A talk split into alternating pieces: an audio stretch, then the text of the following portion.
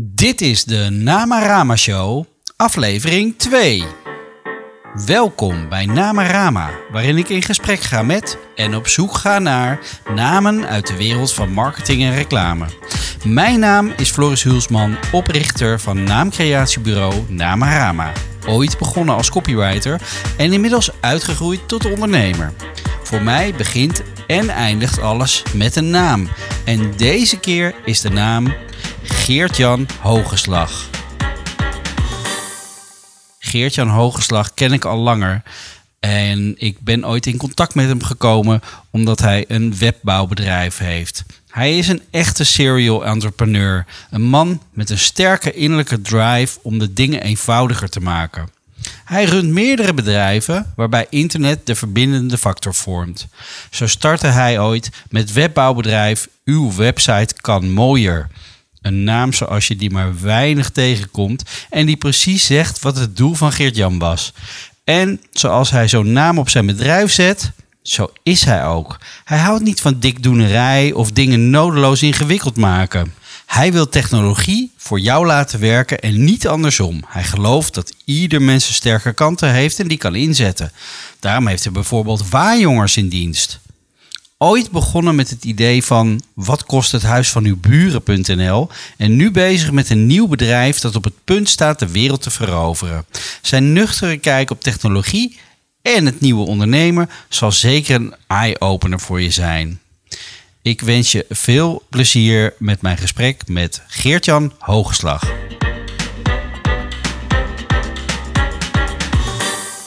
Geert-Jan Hoogslag, welkom in deze Namarama Show. Uh, goed dat je er bent.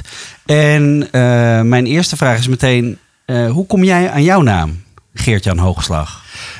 die heb ik gekregen van mijn ouders, van Geert en Leida Hoogslag. En mijn vader heet Geert.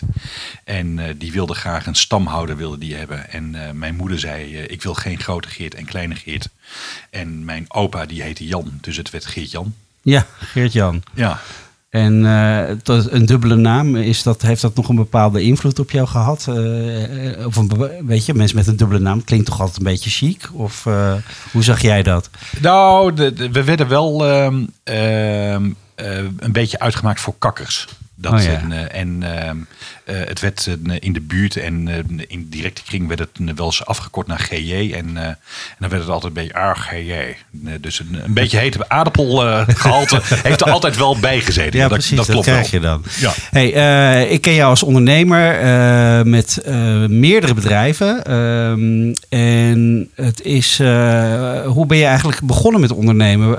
waar, waar, wat was de eerste stap die jij deed? Want volgens mij was dat al meteen iets wat met domeinnamen te maken had. Of vergis ik me daarin? Nou, de, de eerste schreden op, uh, op internetgebied waar ik uh, in actief ben, dat heeft te maken met mijn allereerste baan die ik heb gehad. Dat was in de financiële dienstverlening.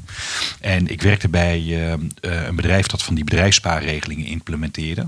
En die bedrijfsspaarregelingen die gingen heel snel gingen die op de schop. En er waren hele grote levenkantoren en die werden allemaal omgevormd naar hypotheekkantoren. En ik werd door Egon gevraagd van, kun je helpen met de leadvorming daarvan? Egon. Egon, ja. ja.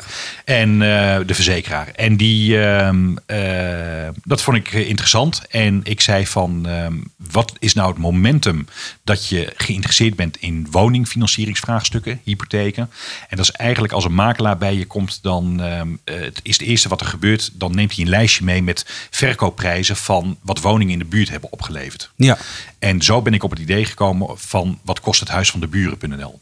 Dat is, uh, Wat kost het huis van de buren? Ja, dat is, dat is mijn allereerste uh, internetavontuur is dat geweest. Ja. En uh, ik had bedacht van als je nou een formuliertje maakt op internet en je vult eh, de naam en het e-mailadres en het telefoonnummer in en dan krijg je in ruil daarvoor krijg je terug de laatste verkoopprijs van postcode en huisnummer. Ja. Dan ehm, heeft zo'n bedrijf een lead om te bellen en te mailen van goh, je bent geïnteresseerd in een verkoopprijs van een woning. Kan ik jou misschien helpen met, uh, uh, met een adviesgesprek over hypotheek? Ja, helder, dan kun je het niet krijgen. Die Nee. mensen zijn echt waarschijnlijk op zoek naar, naar het moment om een huis te verkopen. Ja, en ehm, daar, eh, daar was een website was daarvoor nodig. En dat is wat kost, kost het huis van de buren.nl gaan eten. Ja. En wat kost het huis van de buren.nl hebben we gelanceerd. En we hebben een eh, klikcampagne ingekocht bij Funda. Met een hele grote, lelijke, knipperende oranje banner. Waarop staat wat kost het huis van de buren. Weten wat het huis van de buren kost, klik hier. En eh, kon je een formuliertje invullen. Ja. En zo is mijn eerste avontuur op internet begonnen. En, maar daar is gelijk ook de ergernis ontstaan. Ik had een website had ik nodig en ik ging naar een webbouwer. En ik zei van, ehm, eh, dit is wat ik nodig heb. En ehm, eh, hij reageerde twee, drie weken later met een heel dik pak papier. Waarin stond het is heel duur, het gaat heel lang duren en het is vreselijk ingewikkeld. En het eh, ging om een formuliertje. ja, en het ging om een formuliertje. Ging het. Dat Ja. is, we hebben het nu wel over 2002. Hè? Dat Ja, is, ik weet dus, het. Dus de tijd is wel, wel anders. Ja. eh, is het eh, dan eh, wat het nu vandaag het dag was is. niet allemaal prefab zoals het Nee, nu het is. was eh, niet zo simpel als dat het nu is. En, ehm, eh, maar ik vond het zo waardeloos. Dus dat ik, ik ging naar een andere webbouwer en eh, ik stelde dezelfde vraag. En ik kreeg eigenlijk exact hetzelfde antwoord in een, hetzelfde vol, in een andere volgorde. Ja. En dat heb ik drie keer gedaan. En toen zei ik tegen mijn vrouw, ik zeg, als dit avontuur gedaan is, dan beginnen we een webbouwbedrijf. En dan eh, gaan we precies hetzelfde doen als, ehm, eh, als dat jij bij de Douglas komt. Als je daar naar binnen loopt, dan zeggen ze, god, dag meneer, wat leuk dat u er bent. En dan zegt een hele aardige meneer of een vrouw eh, tegen je van, eh, goh, voor wie komt u? Voor uzelf of voor iemand anders? Ja. Dan zeg je, nou, voor iemand anders. En wie is die iemand anders dan? Ja, mijn partner. En goh, is dat dan een meneer of een vrouw? Nou, in jouw geval weet ik dat het een vrouw is. En dan zeg je, kom voor mijn vrouw. Ja. En, ehm, ehm, en dan vraagt die eh, meneer of een vrouw aan je van, mag ik je iets laten ruiken? Want leg maar eens uit wat een geur is. En leg maar eens uit. van- Nou ja, ik zie dat proces als, als hetzelfde met een website. Ja. Leg maar eens uit wat een beeld is wat je aanspreekt. Dat moet je maken. Dus dat moet je gaan demoen. En, eh, dus na het avontuur van eh, wat kost het huis van de buren is eh, de eerste stap geweest om uw website kan mooier.nl op te richten. Ja. En dat is het webbouwbedrijf wat, wat ik al meer dan eh, 15 jaar heb. Meer dan 15 jaar. Ja. Ja. dat is echt geweldig. Ja. En ehm, het- eh, je kwam dus op uw website kan mooier. Eh, je hebt het eh, afgekort tot eh, UWKM. Ja. Eh, was dat meteen al of was, had je het eerst helemaal uitgespeld? Nee, nee, nee, nee. We hebben het, we hebben het eh, jarenlang hebben het uitgeschreven gehad. Uw website kan mooier. Ja. Want eh, onze eh, klantbenadering bestond uit eh, dat we op Google gingen zoeken, eh, bij voorkeur een beetje naar lokale bedrijven. Mhm. En dan zochten we een, eh, eh, eh, dan gingen we zoeken naar installatiebedrijven, Apeldoorn of zo. En dan eh, kregen we een hele lijst. En eh, al die websites waren vroeger allemaal lelijk. Ja. Dat is eh, begin van deze eeuw was echt iedere website was lelijk. En dan eh, hadden we een lelijke website gevonden en dan belden we op en toen zeiden we van uw website kan mooier. Hoezo uw website kan mooier? Nou, uw website is lelijk. Wilde u misschien een demootje krijgen? Dat is, eh, dus wij deden een propositie dat als een bedrijf geïnteresseerd was om zonder kosten en zonder verplichtingen een demo te ontvangen, dan maakten wij een werkende demo. En Ja. dan eh, dat deden we met een met templatejes, wat van vandaag de dag echt iedereen bijna doet. Maar dat was op dat moment was dat heel nieuw. En dan eh, maakten we een website maakten we helemaal na. Dus dan namen we de menu-items en de teksten namen we over en het logo namen we over. En dan stuurden we dat linkje op en dan zei het bedrijf: Wow, dat is wel echt heel mooi. En zo verkochten we onze websites. Dus een beetje weer de analogie met de Douglas. Dat je een gratis geurtje meekrijgt. Ja, ja En eh, eens kan proberen hoe het, eh, hoe het bevalt. klopt. Voordat je de hele fles koopt. Ja, en zo deden we dus uw website kan mooier. En als dan iemand nee zei tegen zo'n demo, dan belden we een ander installatiebedrijf in de buurt belden we op. En dan veranderden we de teksten en de, de logo's en de kleuren een beetje. Ja, Dus die demo verkochten we altijd uiteindelijk. Ongelooflijk. En eh, dat is, eh, zo is uw website kan mooier eh, ontstaan. En zo hebben we jarenlang hebben we gedraaid. En door een stom toeval kwamen we een keer in aanraking met een heel groot bedrijf. Met Fopak. Dat, was, dat is nog steeds een beursgenoteerd bedrijf. Nederlands beursgenoteerd Ja, bedrijf. wat doen En zij? Die, dat is het tankterminalbedrijf. Die hebben over de hele wereld in 33 landen. en in Rotterdam, in Pernis, in de haven. Daar staan van die hele grote, ja, het lijken silo's. Maar dat is voor de opslag van fossiele zoals het heet. Dus gewoon aardolie, gas, eh, benzine, diesel. eh, dat, eh, dat distribueren zij over de hele wereld. Ja, En ik werd door een, een Deventer kennis werd ik gevraagd van goh, wat jullie doen met demo's bouwen, doen jullie dat ook voor multinationals? En ik herinner me nog goed, ik was op de camping in Italië toen. En met de nodige frisanten achter te kiezen. En ik zei, nou, natuurlijk doen wij dat. Me niet realiserend wat ik zei. En ik zeg, volgende week ben ik weer in Nederland. Ik sprak, eh, eh, ik sprak die man en eh, toen zei hij van, het is voor eh, Fopak. En eh, ik ging kijken en denk, oh mijn hemel, dat is wel een heel groot bedrijf. Dat was best een beetje eng. En ik had ehm, vaker als interim manager bij Lukien gezeten. Lukien is een groot crossmediaal bedrijf in Nederland. Ja. En ehm, daar had ik een hele goede designer leren kennen. En ik belde hem op en ik zei van ehm, ik heb een uitnodiging gekregen om een demo te bouwen voor, uh, voor Vopak. Dat is een van de grootste uh, beursgenoteerde bedrijven van Nederland. Ik zeg, daar kan ik niet met een of ander simpel demootje aankomen. Dat moet echt goed zijn. Ik zeg, maar ik heb er geen geld voor. Ik zeg, als we nou die opdracht krijgen, maak jij dan voor mij die demo. En met de belofte dat jij het mag maken als we de opdracht krijgen. Ja. Nou, uh, zo heeft hij dat gedaan. En uh, die jongen heeft uh, het ontwerp gemaakt. We zijn uh, naar Rotterdam toegegaan met z'n tweeën. En daar zat een hele raad van bestuur en een werkgroep en een stuurgroep. Zat daar in Rotterdam. En wij komen met z'n tweeën komen we daar binnen. En ze zitten eigenlijk een beetje geïrriteerd en geagiteerd van waarom hebben we niks van jullie gehoord? nou, omdat we de demo gaan laten zien die, wat we hebben afgesproken. En we ja. hebben die demo laten zien. En uh, ik denk dat een man of 15 echt letterlijk van een stoel aflazerde. Want ze waren al bijna twee jaar bezig met stuurgroepen, werkgroepen en waren een miljoen verder bij een heel groot uh, bedrijf. En uh, er was nul resultaat uitgekomen. Alleen maar rapportages met allemaal smileys en waar ze niks mee konden. En, ja. en ineens hadden ze een concreet praatstuk. Wat ze ook nog heel erg mooi Precies, vonden. want die demos zijn niet alleen plaatjes geweest, Nee. maar je kon al meteen je kon, klikken. er, je kon er echt doorheen klikken. En we hadden nu, moet ik zeggen, bij Fobak hadden we ons ook wel heel erg uitgesloofd hoor. Dat is een, eh, die. eh, Begrijpelijk. eh, en dat, eh, maar dat is de sprong eh, geweest dat we een, eh, een heel groot bedrijf als opdrachtgever eh, kregen. En ehm, ja, olifanten neuken met olifanten. Die, ehm, dat gaat, zo werkt die wereld nou eenmaal. En Ja. zo kwamen we van het ene grote bedrijf bij het andere grote bedrijf. En, eh, en die hebben we nog steeds als opdrachtgever ook. Bosch, eh, daar bouwen we eh, eigenlijk voor security systems alles online voor. En we kwamen bij Tennet, de hoogspanningsmasten Boer. Ja. kwamen we in, eh, dat zit in Arnhem zat dat.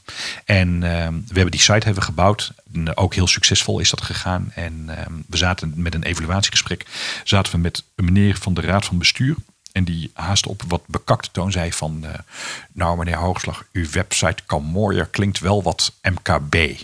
en ehm, en Ja, eigenlijk eh, was ik dat wel met hem eens. Dat is, Ja. ehm, eh, want de eisen die, ehm, eh, die dat soort bedrijven stellen, is. ehm, eh, die hebben overheidsregels, krijgen die opgelegd. Ja. Als, er een, als er een gebeurtenis is bij zo'n FOPAC, als er een tsunami is in Japan, het is een beursgenoteerd bedrijf, dan zijn de spelregels dat er binnen zoveel tijd een aankondiging moet zijn op de website. Dat is Ja. wettelijk vastgelegd. En dus we hadden daar ook zogenaamde piketdiensten draaiden wij daarvoor. Dat we 24 uur per dag bereikbaar waren.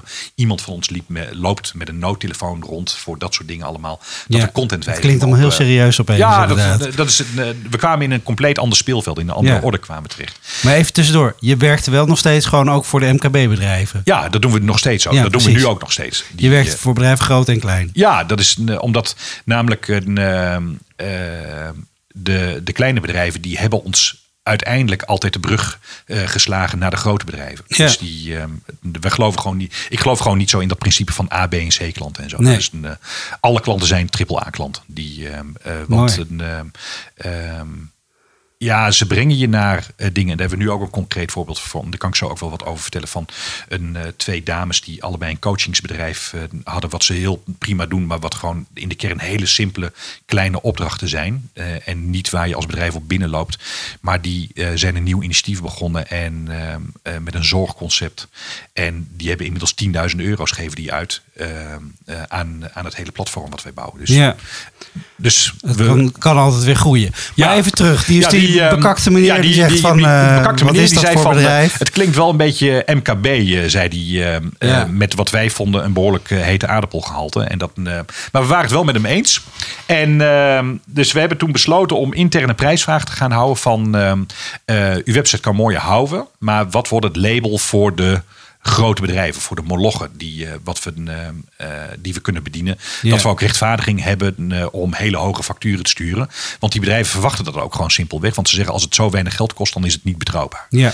En ehm, eh, daar is een prijsvraag eh, is er gehouden intern bij, eh, eh, bij onze collega's hier op kantoor. En de winnaar eh, van de prijsvraag, de naam eh, werd iOS Web. En dat stond voor Integrated Online Solutions. En iOS, het besturingssysteem van Apple, waar we allemaal op werken. Dus dat vonden we een leuke kwinkslag van. Misschien krijgen we ook nog wel een relletje met, eh, met Apple ermee. En, ehm, eh, maar iOS Web, nou ja, dat klonk dan wel zodanig eh hoog staan dat we dachten van dat is een goede naam. En ik ging met een ontwerper aan tafel zitten om daar een logo voor te maken. En we zaten aan tafel en toen zei ik, ja, dit zijn wij niet. Wij zijn geen iOS Web. En eh, ik zeg, weet, weet je wat we doen? Ik zeg, we een korte UWK, of uw website kan mooier, korten we wel af naar UWKM.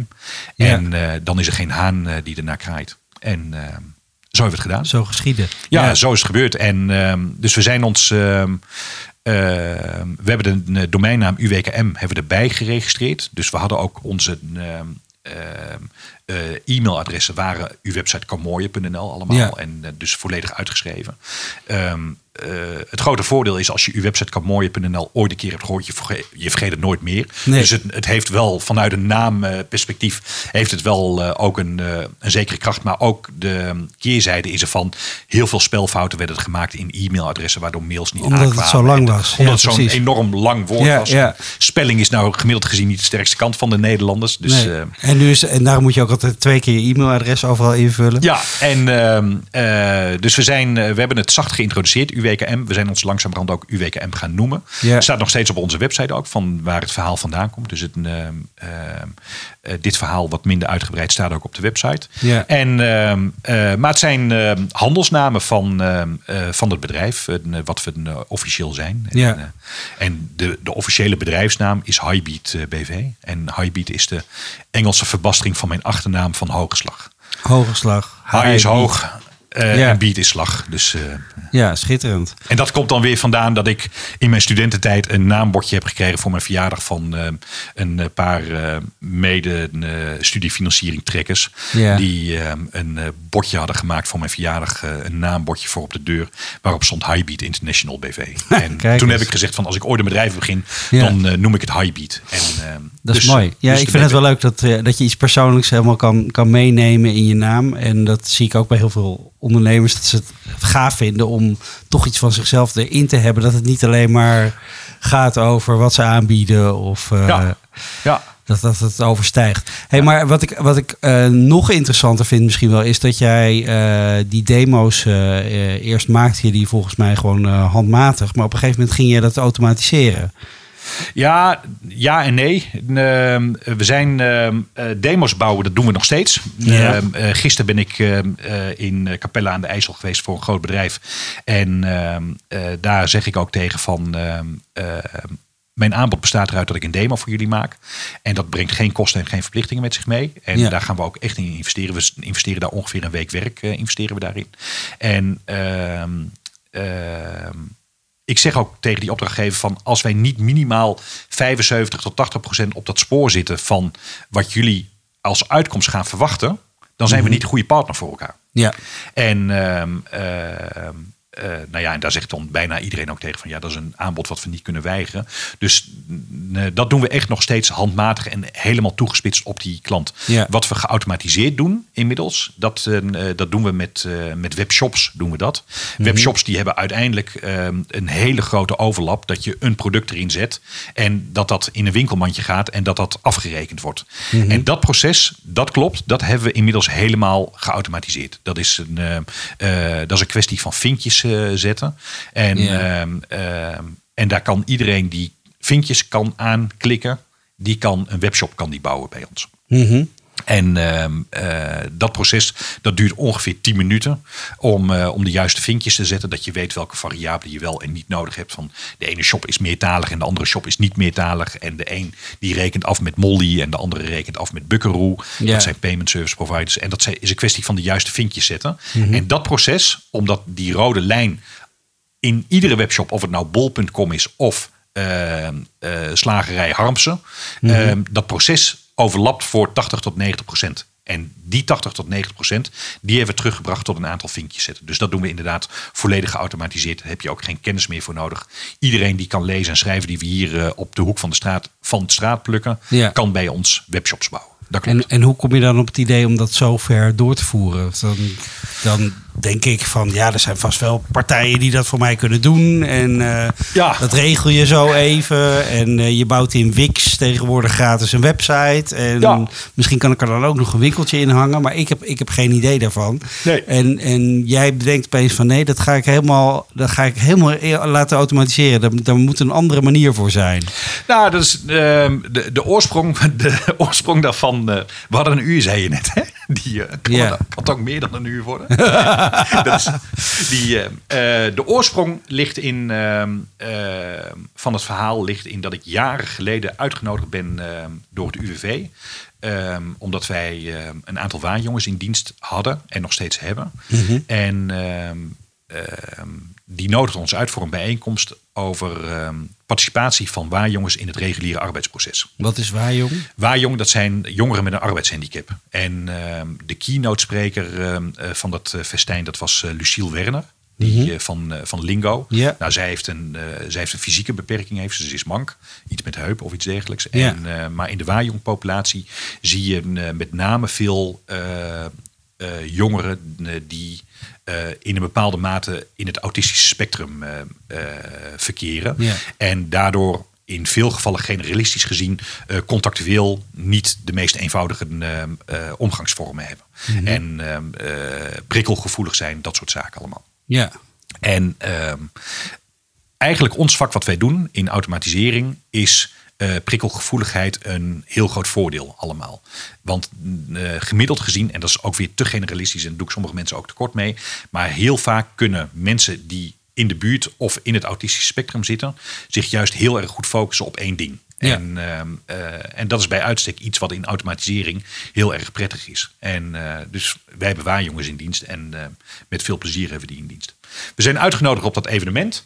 En ehm, ehm, daar ehm, eh, was een spreker en dat is een eh, lector eh, van de hogeschool in Enschede en in Deventer. En die, die had het over de ontwikkeling van de arbeidsmarkt. En die liet een plaatje zien van het Centraal Bureau voor de Statistiek. En dat kan iedereen vinden. En daar zie je een hele grote paddenstoel zie je daarop staan. En de bovenkant van de paddenstoel die representeert de groep mensen die niet meer productief is in het arbeidsproces. En eh, de stam van de paddenstoel is de aanwas die productief is of gaat worden. En, eh, en hij zegt, nou ja, we hebben gewoon een kwantiteitsprobleem. We hebben te weinig mensen die zometeen de populatie eh, onderhouden. Nou, daardoor komt de hele pensioendruk en AOW-druk. Daardoor gaat dat allemaal naar boven. Vergrijzing. Vergrijzing, eh, eh, die ontstaat daardoor. En anderzijds is er een enorme mismatch dat de vraag op de arbeidsmarkt heel erg HBO plus georiënteerd is. En dat het aanbod met name MBO min georiënteerd is. Dus er is een kwantitatief probleem en een kwalitatief probleem is er. En die, eh, die lector eh, die zei van, het is heel simpel. We hebben zometeen heel veel asielzoekers nodig of vluchtelingen of we hebben arbeidscapaciteit hebben nodig, want anders is onze maatschappij gewoon niet vol te houden. En hij zegt iedereen die een vorm van productiviteit kan leveren, die moet benut gaan worden. En de bedrijven moeten zich gaan aanpassen aan het niveau wat beschikbaar is. Als je met z'n allen gaat lopen vissen in de vijver van, eh, eh, eh, van eh, HBO-plussers, Ja. er komen er niet meer. Die zijn gewoon eh, op eh, na een fysiek aantal. Ja, dat is en, nu eh, zeker en je je kan ze nu niet dupliceren. Dus eh, er is maar één oplossing.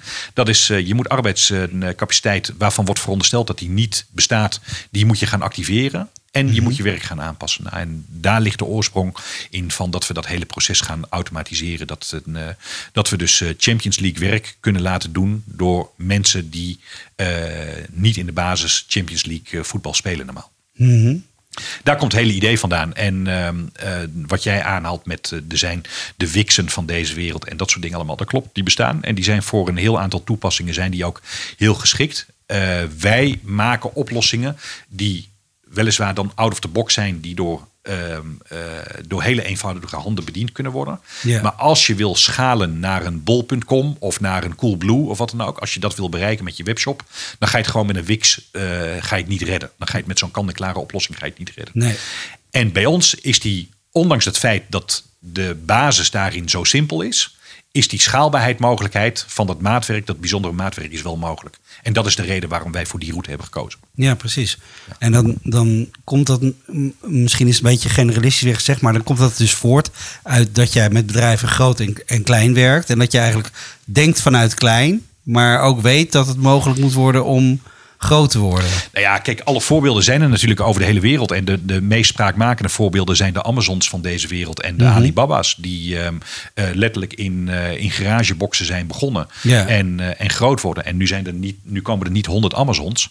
Maar zo hebben wij een heleboel opdrachtgevers. Die, ehm, ik heb een opdrachtgever, die hebben al jaren. Die verkoopt blikken verf. Want dat was namelijk de hobby van zijn vrouw. Was dat om meubels op te knappen met krijtverf. En Ja. ik kende hem persoonlijk toen al. En ik heb tegen hem gezegd, ik zeg, je bent knettergek. Ik zeg, dat moet je helemaal niet doen. En, eh, en die man die verkoopt een, eh, eh, inmiddels al meer dan tien jaar lang verkoopt hij in een stijgende lijn verkoopt hij op jaarbasis voor tussen de 8 en 9 ton blikken verf online. Ongelooflijk. Ja, Ja. En, en ik heb hem toen gezegd: Je bent helemaal knettergek. Dit moet je niet doen. Dit is compleet een. zet maar een balk in je tuin, smijt het geld daar maar overheen. Kansloos. Ja, Nou ja. Maar je hebt hem toch geholpen. Ik heb hem geholpen en daar ben ik blij om dat, dat ik dat precies. gedaan. Die, eh, ja. Ja. Ja. En ehm, dus eh, je hebt eh, het proces geautomatiseerd. Je, ga, je helpt nu dus vanuit eerst het begon met websites, nu is webshops je nieuwe focus. Eh, ja en nee. Ehm, eh, de, de focus van UWKM, uw website kan mooier, is en blijft dat we een, eh, grootschalige websites bouwen en ook hele portalen waarin we bedrijven eigenlijk helemaal automatiseren. En de webshop, tak van sport, die hebben we ondergebracht in een ander bedrijf.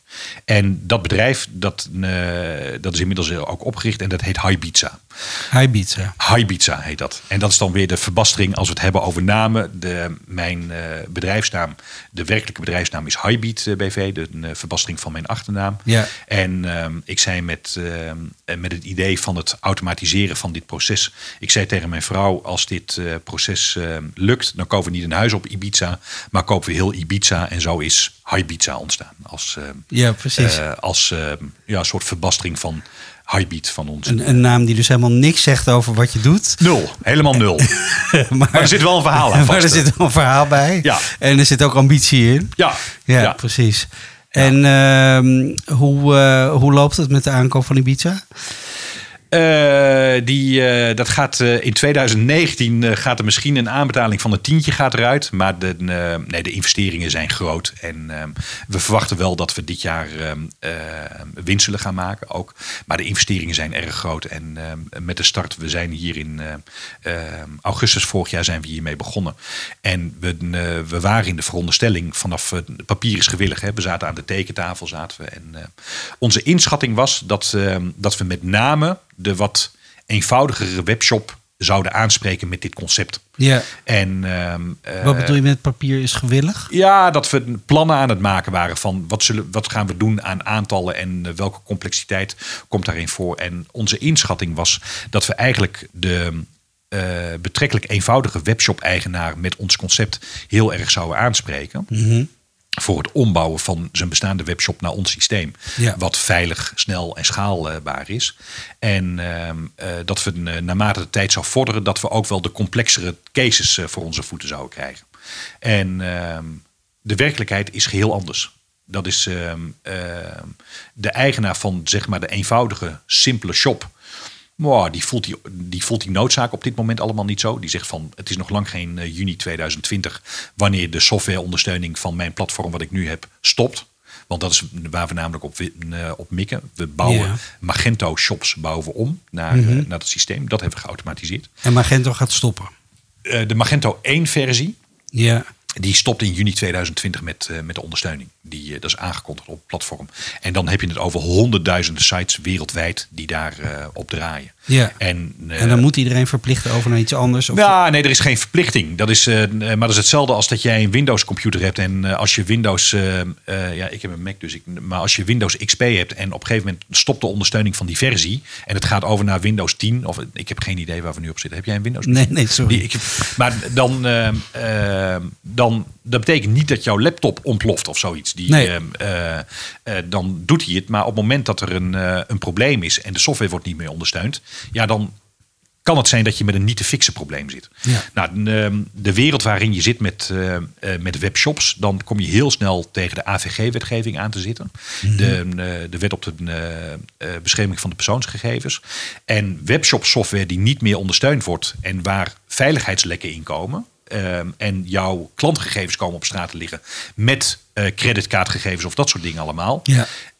Dan staan hoge boetes dan, op. Ja, dan kun je je bedrijf op slot doen. En ehm, dus in die zin, er is geen verplichting vanuit de overheid die zegt van jij mag niet een webshop hebben eh, met verlopen software. Mhm. Alleen op het moment eh, dat jij een, eh, een eh, digitale inbraak krijgt en de gegevens komen op straat te liggen, dan ben je wel verantwoordelijk. Ja. En, ehm, eh, en in de wet is ook omschreven dat je als goed huisvader om moet gaan met de data die jou wordt toevertrouwd.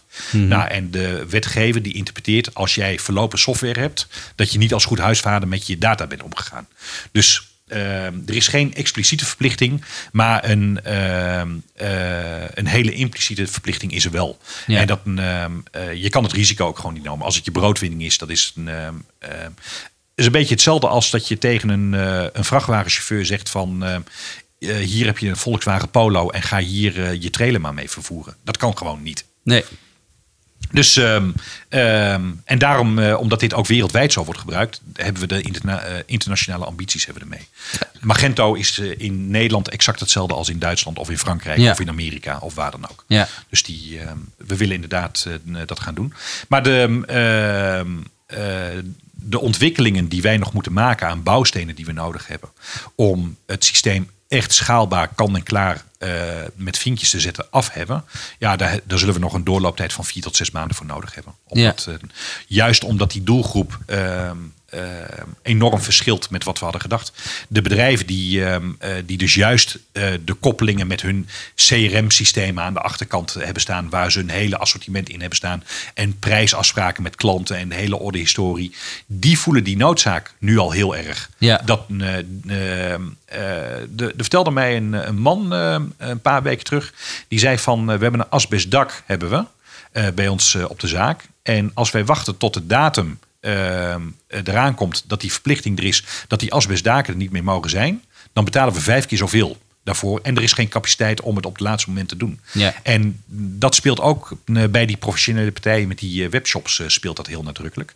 Dat ze zeggen van eh, eh, we willen op tijd willen we gaan ombouwen. Want zometeen is er geen bedrijf meer beschikbaar die een shop voor ons neer kan zetten. En als er een digitale inbraak komt, dan kunnen we eh, gewoon de poort eh, kunnen we sluiten. Ja, dus, ehm, maar dat is dus onze inschattingsfout geweest eh, vorig jaar. Dat we hadden gedacht, maar eerst zullen die, die, beginnen klein. die kleintjes die zullen wel makkelijk omgaan. En ondertussen bouwen we dan alle bouwstenen die we nodig hebben. Die bouwen we in, in- op ons dode gemak bouwen we die wel. Ja. Maar we moeten gewoon frontaal direct met hele grote bedrijven zijn we aan het ombouwen. Ja. Die veel functionaliteit verwachten en eisen en eh, dat nodig hebben. Dus eh, er is wel degelijk is er een, eh, is er een zekere mismatch in onze verwachtingen en wat er daadwerkelijk gebeurt in de markt. We hadden gedacht dat wij heel veel shops alleen maar zouden ombouwen zonder een eenmalig bedrag en alleen maar maandlasten in rekening zouden brengen. En, maar een opdrachtgever geeft bij ons heel gemakkelijk eh 20.000 of meer eenmalig uit om zijn webshop om, om te bouwen. Ja, precies.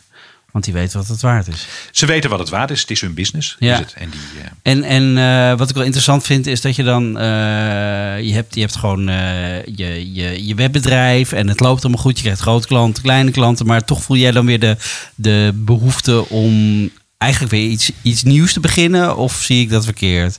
Nee, dat klopt. Dat is, als het er is ehm, en het werkt, dan... ehm, ik ben een starter en geen beheerder. Ja. Die, eh, ehm, dat is Je vindt het heerlijk om, om weer iets nieuws uit de, uit de klei te trekken. Ik, ik kan ook niet anders. Dat is een, eh, ik, ben heel, ik ben een waardeloze manager. En ehm, ehm, eh, ik ben ongeduldig. En ik heb behoefte aan nieuwe energie. En mijn energie komt eruit voort dat er iets nieuws wordt gecreëerd. Dus Ja. als een uh, Ibiza voldoende onderweg is, dan, dan komt het volgende initiatief. En, dat, en stiekem zijn we daar eigenlijk al een beetje aan begonnen. Dat is heerlijk. Ja. Ja, dus eh, je bent een enorme creatieve ondernemer. Waar, haal je dan je, je inspiratie vandaan? Is dat door de, de dingen waar je tegenaan loopt en waar je aan ergert? Of komt het Eh, zomaar bij je binnenwandelen? Veel dingen komen voort uit ergernis. Dat Mhm. klopt. Dat is een eh, van waarom is, is een vraagstuk zo vreselijk complex? Waarom kan dat niet makkelijk? En die, Ja, ehm, wat eigenlijk al begon bij die, bij die websitebouwers die bij, jou met die dikke pakken Ja. papier aankwamen. Ja, dat is een, eh, en dat is met webshops eigenlijk precies hetzelfde. Van waarom is dat complex? Die, eh, dat hoeft niet complex te zijn in mijn eh, wereld. Nou, en er zijn veel mensen die me ook voor gek hebben verklaard dat ik ging doen wat ik ging doen. Want daar hebben we veel geld in geïnvesteerd, echt tonnen. Mhm. En, ehm, maar het blijkt dus gewoon wel te kunnen. En, Ja. ehm, eh, en het volgende project wat we doen, dat, dat heb ik zelfs nog niet aan jou verteld, maar dat heet Mementrix, heet dat. Mhm. Die vonden we een hele mooie naam namelijk. en, eh, Je moet toch eens een namenmaker inschakelen. en ehm, dus, bijna alle bedrijven die een omvang hebben van eh, één of meer personen, die hebben op een of andere manier hebben die, eh, documentatie nodig van met wie doe ik zaken en hoe doe ik mijn boekhouding en wat zijn inloggegevens, eh, waar staan de facturen en dat soort zaken allemaal. En daar worden veel pakketten worden daarvoor gebruikt. CRM-pakketten, ERM-pakketten, ERP-pakketten en ehm, ehm, eh, wij zijn uiteindelijk een bedrijf dat allerlei uren produceert en eh, waarvoor we rekeningen gaan sturen. En we bouwen projecten en daar sturen we rekeningen voor. Dus dat moeten we op een of andere manier moeten we dat administreren. Ja. Van wie doet nou wat. En eh, door de jaren heen hebben we, ik weet niet hoeveel pakketten hebben versleten. Van gratis pakketten tot dure pakketten. De allerduurste pakketten. Dus ook de Salesforce van deze wereld. Ja. En dat soort dingen allemaal. En ehm, nooit heeft een systeem het bij ons gered, omdat we namelijk altijd ehm, het gevoel hebben gehouden dat we ons moesten aanpassen aan het systeem en dat het systeem zich niet aan ons aanpast. ja. En, ehm, eh, en dat merken we in, ehm, eh, in onze klantenkring bij UWKM merken we dat heel nadrukkelijk. Dat eigenlijk ieder bedrijf met dit soort vraagstukken worstelt. Dat ze zeggen, oh mijn hemel. En dan als ik iets veranderd wil hebben in SAP, dan eh, als het al kan, dan kost het en een rotvermogen. En een doorlooptijd van minimaal een half jaar. En eh, een jaar is gebruikelijker. En ehm, eh, het drijft ze tot wanhoop. Omdat ze zich continu moeten conformeren aan de eisen die het systeem stelt. En niet dat het een systeem in dienst staat van de activiteiten van het bedrijf. Zou dat bij heel veel bedrijven dus ook een, eh, een soort knelpunt zijn? Dat ze zich helemaal moeten vormen naar, zo'n naar software. Ja, ja, en nee, zich, zich niet makkelijk daardoor kunnen bewegen. Ja, absoluut. Daar ben ik van overtuigd. Ja. Dat is, eh, eh, je ziet, een, eh, kijk, eh, we doen net alsof internet allemaal heel normaal is. Maar 15 jaar of 20 jaar geleden eh, zat er nog bijna niemand op internet. Hè? Precies. Dat is, eh, en de technologie die we hadden aan automatisering, dat was geen webtechnologie. Dat was allemaal desktop. spul was dat. Wat lokaal op een machine draaide. En als je het dan heel geavanceerd had, dan had je een eigen netwerk had je op, op Precies. kantoor. En het zijn eigenlijk allemaal van oudsher zijn het offline applicaties die naar de cloud zijn gebracht eh, om online benaderbaar te gaan maken. Maar het Ja. zijn van oudsher zijn het gewoon geen online Niet, niet applicaties. bedoeld om op die manier Nee. te gebruiken. En als je dan kijkt naar de nieuwe ontwikkelingen van de nieuwe bedrijven, van eh, hoe, eh, hoe de Ubers van deze wereld en de Airbnb's en dat soort dingen allemaal, die zijn niet als offline platform begonnen, maar die zijn als online platform zijn die gestart. En die hebben een mate van flexi- flexibiliteit om zich continu aan te passen aan de veranderende waarheid. Ja. En de waarheid verandert iedere keer sneller. En eh, eh, Zeker in deze tijd. ja, de traditionele systemen die hebben gewoon die flexibiliteit niet in zich zitten. En daarom Ja. zullen die pakketten dus alleen omdat die afhankelijkheid zo verschrikkelijk groot is, de impact bij grote bedrijven is gigantisch. Als zij zeggen we stappen van SAP af, ja, dan breekt de pleuris uit. Dat Mhm. is een, eh, maar dat het gaat gebeuren, dat staat vast. Ja. Die, ehm, eh, en eh, kleine bedrijven zijn minder extreem afhankelijk van dat soort systemen. Dus die kunnen die stap ehm, minder complex maken dan de hele grote bedrijven. Maar je Ja. ziet de beweging aan de onderkant eh, bij de kleinere bedrijven zie je dat gewoon ontstaan. Dat, een, eh, we hebben een bedrijf, een, een bedrijf in Zeewolde, dat draaide helemaal op, ehm, ehm, eh, op Salesforce. Ja. En alleen, uiteindelijk spuugden ze alleen maar Excelletjes spuugden ze daar eruit. En ehm, eh, ze hadden AFAS hadden ze er- er- ernaast. En dat is nu helemaal van de baan, is dat. En ehm, met wat ze niet meer uitgeven aan licentiekosten, eh, hebben wij de hele ontwikkeling hebben gebouwd. ja. En ehm, eh, we zien het op allerlei schalen zien we het gebeuren. Dat dit een, een markt is, dat er hier heel veel vraag naar is. Dus ook weer een ergernis, omgebouwd tot weer een, nieuw, ergernis, nieuw bedrijf. Weer een ergernis tot, eh, tot een mogelijkheid eh, Ja. omgevormd. Schitterend. Ja, ik heb er nooit bij stilgestaan, maar we vormen ons misschien wel in het dagelijks leven wel heel vaak inderdaad naar de wensen van de technologie en Ja. niet andersom. Nou ja, de, de succesvolle platformen. ehm, ehm, Wat, Waarom- wat vind jij succesvolle platformen? Uh, Airbnb is een vreselijk uh, succesvol platform. Die, uh, Tot grote ergernis van veel Amsterdammers. Ja, dat is de, de, de keerzijden zijn er ook altijd. Dat, maar het publiek. Ehm, nou ja, ik weet niet of je wel eens reissites hebt uitgeplozen. Maar kom maar eens tot een definitie van een reis. Ja. Nou, dat is zo verschrikkelijk ingewikkeld. Je komt in zoveel keuzestress kom je terecht. En, maar als je bepaalt van ik wil ergens naartoe en ik wil uh, ik wil naar een plaats. Uh, mijn vrouw en ik die zijn, laatst zijn we naar uh, Malaga geweest. We komen graag eens uit Spanje. Mm-hmm. En dan, dan vlieg je op Malaga en dan kijk je van, op Airbnb van wat er mogelijk is. Ja. En, en dan heb je rechtstreeks contact heb je met die eigenaar. In plaats van met een ingewikkeld boekingssysteem van een hotel en weet ik veel wat allemaal. Het werkt intuïtief, het werkt makkelijk, het werkt persoonlijk werkt het. En dat is wat mensen willen. Dat is een, uh, je, uh, je landt op het uh, vliegveld en dan gaat er een signaal gaat eruit. Airbnb pikt dat op. Het zijn allerlei privacy issues zijn het ook die er mogelijk mee gepaard gaan. Maar als je geen drugsdealer bent of wat dan ook en dat soort dingen allemaal. Dan is het hartstikke fijn dat als je landt dat er een signaaltje uitgaat naar de woningeigenaar of eigenaresse die weet van, oh, die is geland, dus die is nu onderweg naar mijn appartement. En je krijgt een berichtje van, wat fijn dat je geland bent. Uh, je kan het beste daar op de bus stappen of daar de taxi pakken. En dan uh, stap je bij die halte, stap je uit. En dan, uh, ik stuur je een appje met de route die je vanaf daar moet lopen. Dat is nog drie minuten lopen vanaf daar. Ja, precies. Dat, dat, is...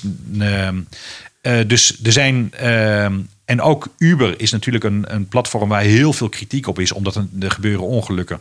Um, en uh, er zijn ongetwijfeld ook misstanden zijn daarmee. Maar het publiek begrijpt wel de interfaces van, uh, uh, van de apps die aangeboden worden. Er zit geen handleiding zit erbij. Mensen gaan intuïtief doen wat ze ook verwachten wat ze gaan doen. En daar, zit, daar zit de kracht van een applicatie zit daar. En uh, de bedrijven die daar ook de zogenaamde disruptive markten mee ontwikkelen, mm -hmm daar hoef je niet aan uit te leggen wat het doet. Waarom is bij de jeugd, uh, volgens mij Snapchat uh, is het helemaal. Ja. Waarom is dat zo? Omdat dat namelijk doet wat de jeugd verwacht dat het doet. Precies. En, ehm, en zo automatisering moet dus niet een juk opleggen dat je je moet gaan aanpassen aan wat de automatisering van je afdwingt. Ja. Maar het moet voor je gaan werken zoals jij wil dat het werkt. Ja. En dat bepaalt het succes van. Uh, en of dat dan een website is of een, of een app of weet ik veel wat, dat doet er eigenlijk allemaal niet toe. Maar nee. een automatisering moet daarvan in dienst staan en niet andersom. Ja, mooi. En als we tien jaar verder zijn, uh, wat denk je dat je dan uh, achter je ziet staan? Nog, nog veel meer van dit soort initiatieven? Of denk je van, uh, ik, ik, ga, ik richt me op nog iets heel veel groters? Of ik ga de hele wereld over? Nou, ik, dat weet ik niet zo goed. Ik denk uh, uh, dat ik. Uh, kijk, ik ben natuurlijk zodanig oud dat ik ook met de typemachine ben opgegroeid op de, op de HAO. En mm -hmm. dus ik ben van, van huis uit ben ik niet digitaal. Dus ik, ik, ik zit aan de gebruikerskant. Ja. Zit ik. En, ehm, Misschien wel goed ook. Ja, maar de technologie die dendert zo verschrikkelijk hard door. Dat ik zelf denk dat ik over tien jaar een fossiel ben in deze wereld en geen uh, uh, relevante rol uh, daarin speel. Omdat, omdat de technologie aan alle kanten zo verschrikkelijk snel inhaalt. Dat, ehm, dat die wereld zodanig veranderd is en dat ik ja, misschien wel de geschiedenis van technologie ga doseren op een school of zo. Ja, precies. Ik weet het niet. Die, zover kijk ik nooit vooruit. Die, die jeugd meekrijgen. Ja, dat, Um, en nog even terug naar waar jij je, je inspiratie vandaan haalt. Uh, wat, zijn dat bepaalde websites, boeken? Of uh, nee. hoe, hoe, hoe, komt dat bij jou binnen? De, de ideeën, waar komen de ideeën vandaan? Laat ik het zo zeggen. Eigenlijk bijna altijd rechtstreeks contact met iemand met wie ik spreek. Dat oh, is, ja. die, zo heb ik ook wel eens vaker met jou gesproken. -huh. En ehm, uh, met de manier waarop jij nadenkt over namen. En je tikt me net even op de vingers van we moeten er toch een keer over gaan praten. Met een echte naamexpert. Maar toch haal ik een, uh, op uh, een aantal fronten wel inspiratie ook eruit van wat jij daarover vertelt. Over zo'n gebied. Ja. En, ehm, maar bijna altijd komt het voort uit dat ik met een opdrachtgever of met een latent opdrachtgever praat. En dat er op een of andere manier iets blijft hangen van er zit een repeterend uh, iets zit erin. Dat mm. is uh, uh, maatwerkoplossingen. Daar geloof ik heel nadrukkelijk geloof ik daarin dat die nodig kunnen zijn.